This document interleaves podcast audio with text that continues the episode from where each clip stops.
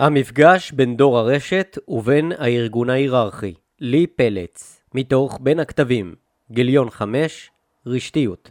בצה"ל של המאה ה-21 מתפתח חוסר הלימה בין המבנה הארגוני לבין האתגרים העומדים בפניו. בעוד צה"ל עוסק בהגנה על הקיים, על תהליכי העבודה הקיימים ועל המבנה הקיים, ובחיפוש אחר ודאות, הוא נאלץ להתמודד בשדה הקרב מול אופי לחימה משתנה. בין אם אלו תמורות באופי הלחימה הנובעות ממהפכת המידע, ובין אם אלו יכולות חדשות המופיעות בשדה הקרב, על צה"ל להיערך להתמודד עם תמורות אלו על הצד הטוב ביותר. אך לצד הסתגלנות שעל צה"ל לאמץ לעצמו בשדה הקרב, עליו לתת את הדעת ואף אולי לבצע מהלכים באשר לשינויים המתרחשים לאור גיוון הדורות הקיימים בכוח האדם בצה"ל, ויתרה מכך, עליו לתת את הדעת באשר לדור העתיד להתגייס לשורות הארגון בשנים הקרובות. אכן, גיוס צעירים ישראלים לצה"ל מייצר מפגש בין הארגון הטוטלי ומאפייניו לבין הפרט הרשתי וכישוריו. סקירה ספרותית זו תנסה להעלות על הכתב ולהדגיש את המתחים הקיימים במפגש זה, ותנסה לתחום ולהסב תשומת לב לנקודות שבהן ניתן לראות במפגש זה פתח להזדמנויות עבור צה"ל. למעלה מזאת, הסקירה תנסה להדגיש כי בעוד אנו עסוקים בהבנת דור ה-Y ואת השפעתו על צה"ל, מתחת לאפינו גדל דור חדש, דור ה-Z, שייתכן והבנת המשמעויות של גיוסו לצה"ל רלוונטיות כעת יותר מתמיד. בסקירה יפורטו מאפייני הדורות השונים המשרתים בצה"ל, ייסקרו המתחים העולים ממפגש בינם לבין צה"ל כארגון היררכי ויוצאו רעיונות לשימוש דווקא במתח כפלטפורמה להזדמנויות עבור הצבא. זאת בייחוד באשר לדור ה-Z, הדור החדש שעתיד להצטרף לשורות הצבא. לצורך הדיון נתייחס לפרט מדור ה-Y או מדור ה-Z במונח פרט רשתי, זאת לאור היותו פרט הגדל לתוך סביבה רשתית ובתוכה. לצורך המאמר והניסיון לאפיין מתחים והזדמנויות בצה"ל לאור הדורות השונים הקיימים בו, אבחר להתייחס להגדרה הלקוחה מעולם הסוציולוגיה והגורסת כי לדור ישנה משמעות היסטורית והוא גם תוצר של תקופה בעלת איכות תרבותי וגם יוצרה. ממבט פשטני על צה"ל, או על כל אוכלוסייה שהיא, ניתן לראות הבחנה בין קבוצות של בני אדם. כיום הדרך המקובלת להשוות בין הקבוצות השונות היא על פי חלוקה דורית, ולמונח דור יש הגדרות שונות. החל ממחזור שנתי של צאצאים, וכלה בפרק במחזור החיים של האדם. צה"ל מורכב כיום משני דורות עיקריים, דור ה-X ודור ה-Y. בסקירה יתואר גם דור הבייבי בום, מתוך ההנחה שדור זה היה שותף עיקרי ליצירת התרבות הארגונית של צה"ל, כפי שהיא מוכרת כיום, ועל כן יש להבין את מאפייניו בדיון זה. על כל דור יפורטו הרקע, ההשפעות העיקריות עליו ומאפייניו העיקריים שניתן להבחין בהם במקום העבודה, וזאת מתוך ניסיון להשליך אותם גם על השירות הצבאי. אבקש בשלב זה לסייג את הכתוב במאמר ולציין כי כל הנכתב באשר למאפייני הדורות השונים הופק מן הספרות המקצועית והאקדמית הכתובה בנושא. אדגיש כי כל הכתוב מתייחס לפרטים אשר גדלו בדמוקרטיות מערביות ואשר חוו השפעות חיצוניות מסביבה זו כדוגמת אינטרנט חופשי. ההגדרות שיפורטו לא מתייחסות לשונות בין פרטים, אך כוונתן לנסות ולייצג את ההבדלים הבולטים ביותר בין דורות שונים. הדורות בצה"ל דור הבייבי בום קיבל את שמו הודות לעלייה החדה בשיעור הילודה בתקופה שלאחר מלחמת העולם השנייה. על פי הספרות, ילידי דור זה נולדו בין השנים 1943 עד 1965. בתחילה נקבע מונח זה באשר לילידי שנים אלו בארצות הברית, אך רבים מייחסים את מאפייניו גם לילידי שנים אלו בעולם המערבי כולו.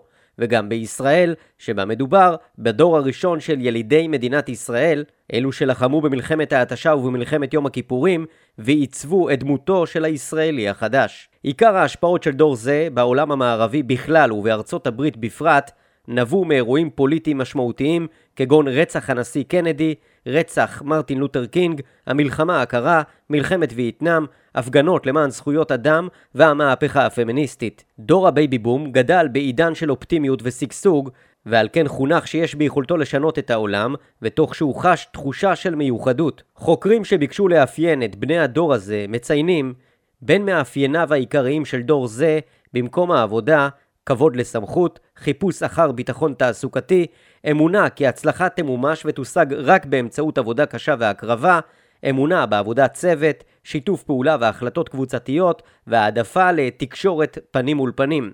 בני דור זה נוטים להיות תחרותיים ומוכווני תהליך ומטרה, ולא מוכווני משימה.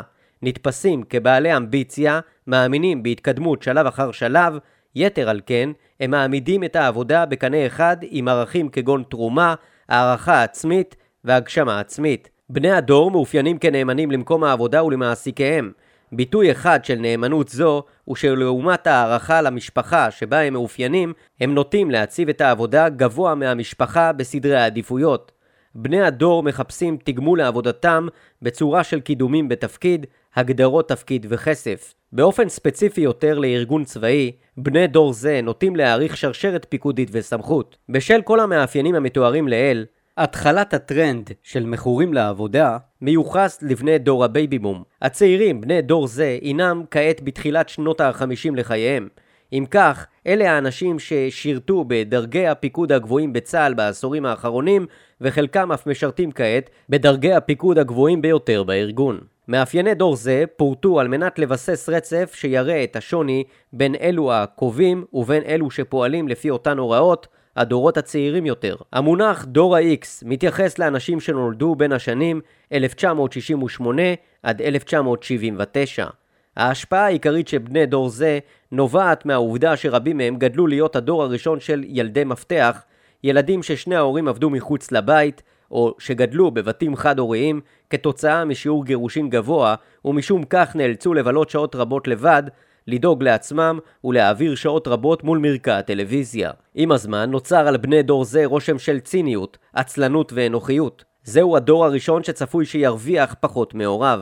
אי לכך, יותר מדורות קודמים בני הדור הם עצמאים, אוטונומיים ונסמכים על עצמם. בישראל קרא דור זה תיגר על כמה מהפרות הקדושות של החברה הישראלית, בתוך כך גם על הצבא ועל המערכת הפוליטית. לפי טענות החוקרים שבחנו את בני הדור הזה ובנותיו, הם רגילים לקבל פידבק מיידי לפעולותיהם.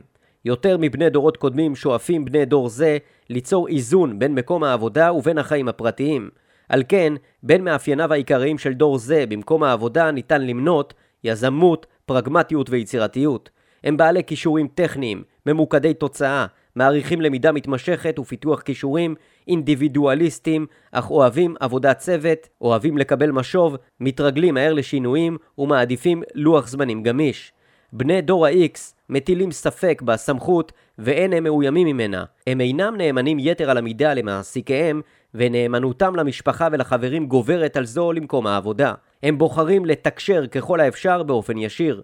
הם מונחים על ידי תחושת ההישג ולא על ידי השעון הדופק. לא בהכרח שואבים בני דור ה-X מוטיבציה מכסף, אך מחסור בכסף יגרום להם לאבד מוטיבציה. מחפשים תגמול בצורה של גמישות בעבודה ועצמאות. כיום מרבית המפקדים בצה"ל והדור הנכנס לתפקידי הפיקוד הבכירים ביותר משתייכים לבני דור זה. דור ה-Y, או בשמותיהם האחרים, דור המילניום, דור הדיגיטל, דור ה-WWW, מתייחס לאלו שנולדו לכל המוקדם בשנת 1978 ועד אמצע שנות ה-90. מקור השם דור ה-Y מצוי בכך שבני דור זה כל הזמן שואלים מדוע, למה. בני הדור גדלו בעידן עשיר יותר לאור העובדה ששני ההורים עבדו או שנולדו להורים שחיכו יותר זמן לפני שהביאו ילדים לעולם. זהו דור מוגן מאוד בשל אידיאולוגיות הורות שבין מאפייני ההפרזה הורית בהגנה על הילדים. למעשה הם גדלו בעולם ממוקד ילדים שיצר ילדות עסוקה, דור ראשון של ילדים עם לוז. הם מקווים להיות הדור הבא שיתקן את העוולות בעולם ובעלי אופטימיות גבוהה יחסית לגבי יכולתם לשנות את עתידם. בני דור ה-Y במדינות המערב הושפעו בעיקר מהתפתחויות טכנולוגיות דרמטיות, שהדרמטית מכולן היא מהפכת האינטרנט מפיגוע ה-19 בספטמבר, המלחמה באפגניסטן, הצונאמי באוקיינוס ההודי בסוף 2004 ומשברים כלכליים גדולים בשנים 2000 ו-2008. במקביל הושפעו בני הדור מעלייה בשוויון המגדרי ומתרבות הסובבת סביב ילדים ובני נוער ופיתוחם התמידי. בני דור זה חולקים מבני דור ה-X מאפיינים רבים שהבולטים ביותר הם תחושה נוחה במפגש עם טכנולוגיה, חיפוש אחר המדיות, גישה מהירה למידע ורצון עז לשתף במידע. נוצר רושם שבני דור זה מפונקים ומפוזרים ובעיקר דור המחפש את עצמו. לצד ביקורת זו, דור ה-Y נחשב לדור המשכיל והמלומד ביותר. עובדה זו, בין היתר, יוצרת השפעה גדולה על המשבר הכלכלי האחרון גם על בני דור זה, לאור אחוזי אבטלה עולים וגדלים בקרב בעלי תואר אקדמי. כמו כן נחשבים בני דור זה באופן מפתיע לשמרנים יחסית, בעיקר הודות לסביבה המוגנת שבה גדלו. הם מיטו לקבל את החוקים שהוריהם לימדו אותם, וסביר שיבחרו להתנהל על פיהם מתוך רצון לייצר סדר במציאות כאוטית. דור ה-Y הישראלי הושפע בנוסף ממלחמת המפרץ הראשונה. עלייה גדולה מחבר העמים, הסכמי אוסלו והשלום עם ירדן, האינתיפאדה השנייה וגלי אלימות ופיגועים, והמחאה החברתית של קיץ 2011. האירועים בישראל יחד עם אירועים מהעולם יצרו הורות פרנואידית ודור שהוזר בפני הסכנות שבחוץ, ומכאן התלות בהוריו. בין מאפייניו העיקריים של דור זה במקום העבודה, כפי שנמצאו על ידי חוקרים בתחום, ניתן למנות הערכה לעבודת צוות ולפעולות קולקטיביות, אופטימיות, התאמה לשינויים, חיפוש גמישות, עצמאות וריבוי משימות, יזמים ובעלי דרישות, מעריכים הכשרה, אך פחות ממוקדים בתהליך, ובעיקר דורשים הסברים למדוע עליהם לעשות דברים מסוימים במקום העבודה. הם מחפשים תקשורת מהירה כמו דואר אלקטרוני או מסרונים ומכבדים סמכות, אך מרגישים נוח יותר עם היררכיה. מחפשים אישור ושבחים מהממונים עליהם ומקווים לתגמול בצורה של אפשרות לתת קלט ובאישור לשלב טכנולוגיה בשגרה היומית שלהם. עם זאת, יש להבחין כי בני דור זה אינם מייחסים חשיבות לקריירה כפי שייחסו לה הדורות הקודמים, ועל כן הם לא מגדירים את זהותם על פי מקום העבודה שלהם, ודואגים לאזן אף יותר מבני דור ה-X בין מקום העבודה ובין החיים הפרטיים. הם אינם מהססים להחליף מקום עבודה, שכן הם אינם רואים בהחלפה זאת חיסרון או סממן לחוסר הצלחה או לחוסר החלטיות. הם אינם נאמנים למקום העבודה, ולאור תלותם הגבוהה בטכנולוגיה שבה הם נותנים אמון, הם מאמינים כי ביכולתם לעבוד הרחק ממקום העבודה.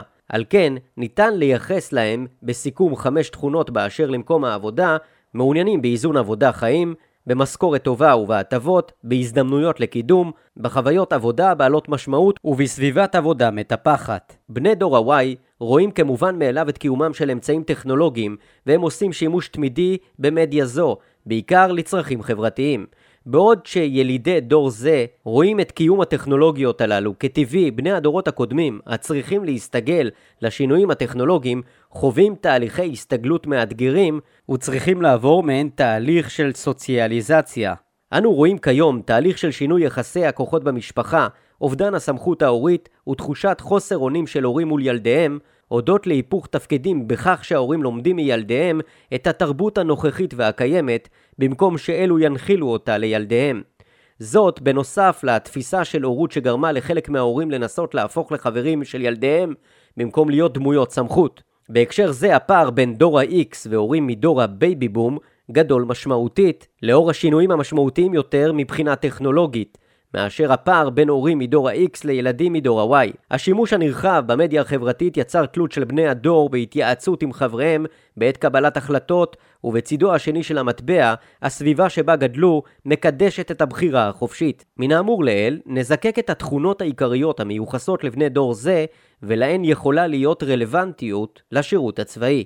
על כן, בני דור ה-Y הינם בעלי אמונה בייחודם, לאור הורות שחזרה באוזניהם אינסוף פעמים על כך, בעלי ביטחון עצמי, הישגים, מוגנים, גדלו תחת הורי הליקופטר, הורים החגים סביב ילדיהם, לחוצים, אינם מסוגלים לדחות סיפוקים ולחוצים לממש את הפוטנציאל שהם מאמינים שטמון בהם, קונבנציונליים, מוכווני עבודת צוות, בעיקר לאור הרגל טבעי ליצור תקשורת עם חבריהם ללא הפסקה, ובעלי מודעות עצמית וביקורתית. על הצד החיובי פחות, בני הדור מאופיינים בהיעדר עצמאות, תלויים בהוריהם לפתירת בעיות, סוגיה הבאה לידי ביטוי גם בשירות הצבאי מול המפקדים, ותלויים בייעוץ עם חברים. רוב המחקר הקיים כיום מתמקד בניסיונות להבין דור זה, דור ה-Y. למעשה, דרגי הפיקוד הזוטרים בצה"ל מורכבים מבני דור זה, הם אלו העתידים להוות חלק ניכר בפיקוד העתידי של הארגון, וכיום הם מהווים את עיקר חיילי השירות הסדיר.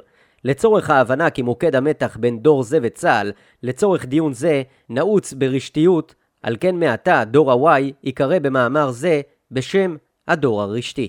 המתחים המציאות הדיגיטלית והדינמית המתפתחת במאה ה-21 אינה מתקיימת בסינרגיה עם מבנה הצבא ועם תהליכי העבודה המורגלים בו. בהקשר הצבאי ניתן לטעון כי אם הסביבה כולה משתנה, וכחלק ממנה משתנה גם כוח האדם המגיע לארגון, יחסית למגויסים לפניו, הרי שוודאי לא תהיה הלימה בין הפרט הרשתי המתגייס לצה"ל ובין הקווים המנחים את צה"ל כארגון היררכי. מול בני דור הוואי המתגייסים לצה"ל ניצב צה"ל שבהגדרתו הוא אינו ארגון רשתי. מאפייניו העיקריים של צה"ל הקשורים ביחסים עם הדור הרשתי הינם יחסי היררכיה, שליטה ומשמעת פיקודית.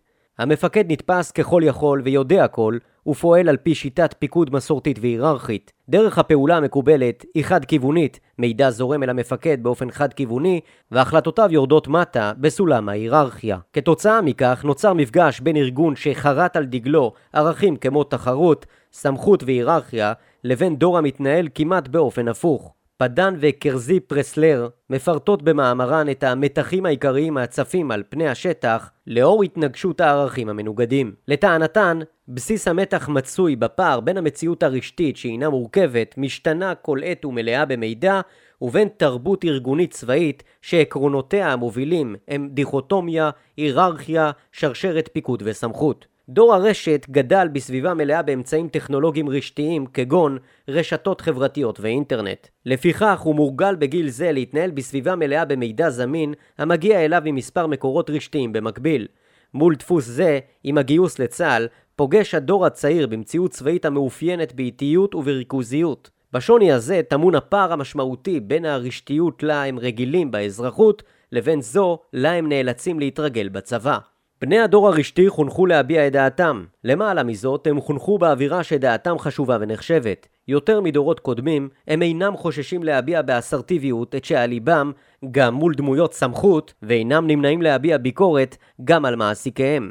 כשם שהתנהגות זו אופיינית לדור הרשת, בין היתר כלפי בתי הספר ואף כלפי הוריהם, היא על אחת כמה וכמה קיימת מול המפקדים. נקודה זו מהווה מתח ברור בין אופי הרשת ואופיו של צה"ל כארגון היררכי, בה שאלת השאלות והבעת הספקות שמורה לכיוון אחד, מטה מהמפקדים לפקודיהם, ולא להפך. נקודת מתח נוספת מתקיימת בין ההרגל של דור הרשת להתנהל במציאות שבה כל הידע עומד לרשותם במרחק קליק אחד במקלדת, ובין הארגון ההיררכי שחלוקת ידע אינה בין מאפייניו הבולטים. דור הרשת למד במשך חייו לקבל מידע באופן נגיש, זמין, מכמה ערוצים במקביל וללא מחסומים. פנים נוספות לעניין זה הוא הרגלם ורצונם לשתף במידע זה כל העת. אך עם גיוסם לצה"ל, הם נפגשים עם עולם הפועל על פי מבנה ארגוני היררכי, שאינו משתף ידע בצורה דו-כיוונית, ממודר ושאינו רווי באמצעים טכנולוגיים המכילים את המידע הקיים. הפיקוד בצה"ל מנוהל בשליטה מרכזית, וזהו מתח בסיסי בינו לבין המשרתים הצעירים בתוכו. לא די במתח זה, קיים מתח עמוק בין ההזדמנות שבני דור הרשת רואים בשיתוף מידע, לעומת הסכנה שמפקדיהם רואים בו. בני הדור הרשתי נתקלים בקשיי הסתגלות לשליטה הצה"לית בין היתר לאור ההבדל בין המציאות הצבאית שבה למשרתים בתפקידי הפיקוד הבכירים יש את הניסיון הרב ביותר והידע הגדול ביותר ובין המציאות לה הם רגילים מחייהם האזרחיים שבה ייתכן שלהם יש כישורים רבים מאשר למפקדיהם. כהרגלם בקודש להביע זאת באמצעות הבעת דעה הם עלולים להיתקל בהיררכיה כמחסום. מן האמור לעיל ניתן להסיק כי קיימים לא מעט מתחים והתנגשויות בין דור הרשת וצה"ל.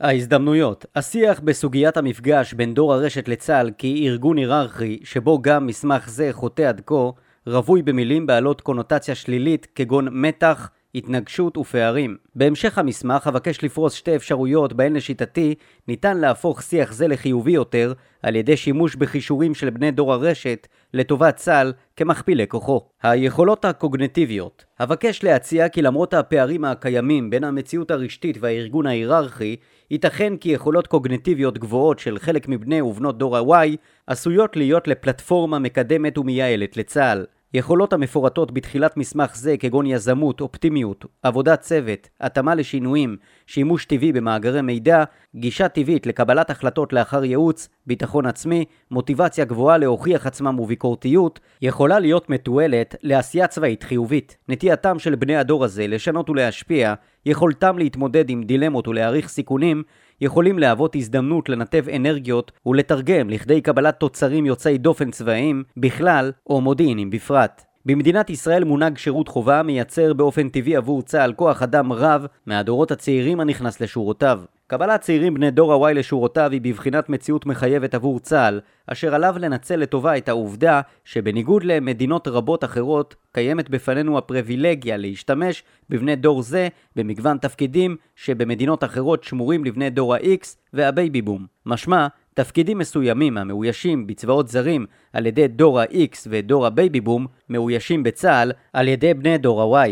דוגמה ליתרון שייתכן שטמון בכך, הוא העובדה שהאויבים מולם אנו נערכים, ושלגביהם אנו אוספים מודיעין, הינם ארגונים שעושים ללא ספק שימוש נרחב ברשתיות ובדור ה-Y.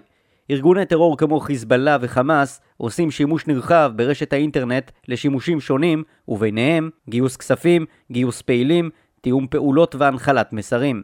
ארגוני הטרור מנצלים את מאפייני האינטרנט, שבהם גישה נוחה לשימוש, חוסר ברגולציה וזרימה מהירה של מידע, לטובת השגת מטרותיהם אל מול שלושה קהלים עיקריים, תומכים, קיימים ועתידיים, דעת קהל בינלאומית וציבור האויבים שלהם. יכולת ההתמודדות עם אתגרים מעין אלה יכולה לגדול משמעותית לו נשכיל להנחיל לדור הצעיר יכולות ניתוח גבוהות. כיום, כמויות המידע הקיים באופן נגיש לכולם הן עצומות, אך למעשה מאגרי המידע הללו אמנם מכילים מידע על גבי מידע, אך כולו על העבר. בפועל, אנו נמצאים תחת הרושם החזק כי לאור הנגישות הגבוהה שלנו למידע, יש בידינו גם ידע רב. השאלה הצריכה להישאל היא, האם אנו יודעים כיצד לאחד מידע זה לכדי ידע מועיל היכול לסייע לצה"ל במערכה מול אויביו? על כן ייתכן שבאמצעות הנחלה של יכולות ניתוח גבוהות, נוכל להכפיל את כוחו של הדור שכבר שוחה בעולם, האיך להשיג מידע.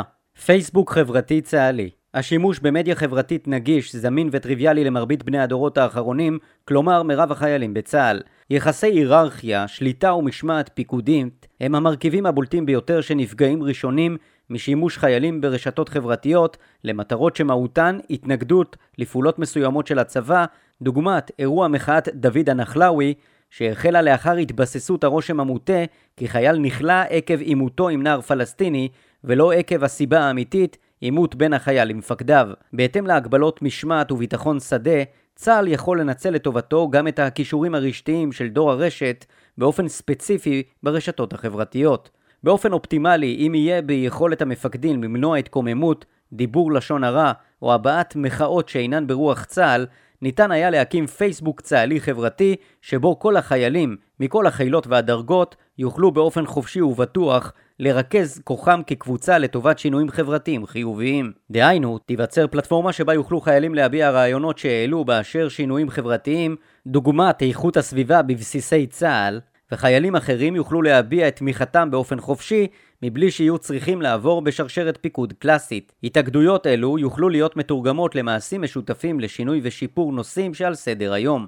ייתכן שאף פלטפורמה כזו יכולה להיות מכפילת כוח לצה"ל, בכך שתאפשר לחיילים שיח חופשי מהיררכיה באשר לדברים שעל ליבם, תאפשר להם להביע מורת רוח ורצון לשנות סוגיות מסוימות שלא בפייסבוק הצה"לי, ותאפשר לסוגיות שאינן מטופלות על ידי צה"ל, לאור בעיות משאבים וזמן להיות מסודרות, על ידי רצונם הטוב של החיילים.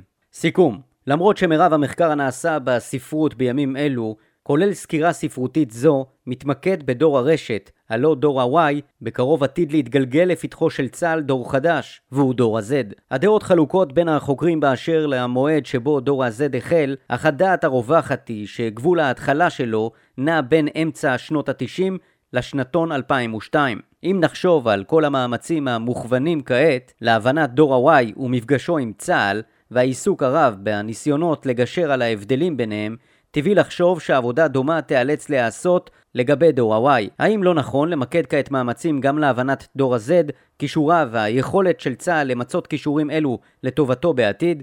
ייתכן בהחלט כי השוני המהותי כל כך בין דור ה-X ובעיקר דור הבייבי בום, שבניו יצרו את הבסיס לתרבות הארגונית הצה"לית, ובין דור ה-Y, חייב הבנה של הפערים ביניהם.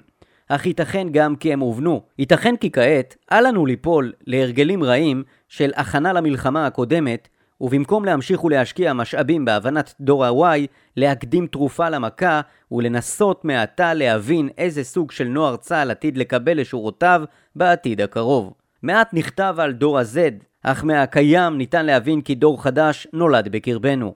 זהו דור יוזם ופלורליסטי הנחוש לקבל אחריות על עתידו שלו. בני דור ה-Z, או בשמותיו האחרים, דור האם או ה-i-Generation, הם האחים הקטנים של דור ה-Y. בעוד אחיו הגדולים זכו כאמור לסיקור נרחב באקדמיה, דעה ברורה לגבי דור ה-Z טרם גובשה. על אף זאת, ניתן לומר כי זהו דור שכבר כמעט אינו מושפע מפיגוע ה-11 בספטמבר, אך מושפע מהמשבר הכלכלי, משינויים טכנולוגיים גדולים ומזמינות למידע מינקות. דור זה גדל בסביבה שבה אינטרנט היא עובדה ברורה מאליה. רשת חברתית היא דרך טבעית ליצירת קשרים, וזמינות מידע היא לא חידוש אלא דרך חיים. בני דור ה-Z נסמכים על עצמם ומודאגים לגבי העתיד. רובם מעוניינים להיות עצמאים ולא להיות כפופים למעסיק או ללוח זמנים קשיח. הם בעלי ביטחון עצמי מן הצד האחד, אך מן הצד השני הם אינם אופטימיים לגבי הכלכלה ומודאגים שמא לא ימצאו עבודה. הם מאמינים גדולים בשוויון, אך לאו דווקא באפליה מתקנת. הם מביעים דאגה מפני קונפליקטים עולמיים, בעוד מיקודם הוא דווקא על המקומי, אך בד בבד מחזיקים בשאיפות שאופיין גלובלי, כגון רצון לגור בחו"ל בעתיד. באופן מפתיע הם אינם מקובעים לטכנולוגיה כפי שנוצר הרושם עליהם, ואף מעדיפים לדוגמה טכניקות לימוד מסורתיות לעומת שיעורים אונליין. ייתכן שהעיסוק הבלתי פוסק בילדים וההורות האינטנסיבית מתמיד יצרה מציאות שבה בני דור זה התנגדו פחות לסמכות, פחות אף מדור ה-Y. הם יגדלו בעולם שבו הפער בין בעלי הגישה לטכנולוגיה וחסרי הגישה אליה יהיה גדול מתמיד. היתרון הגדול ביותר שייתכן ושרוי בבני דור ה-Z הוא גישתם לשוני ולגיוון. סביר פחות שבני דור זה ייטו למקומות מוכרים.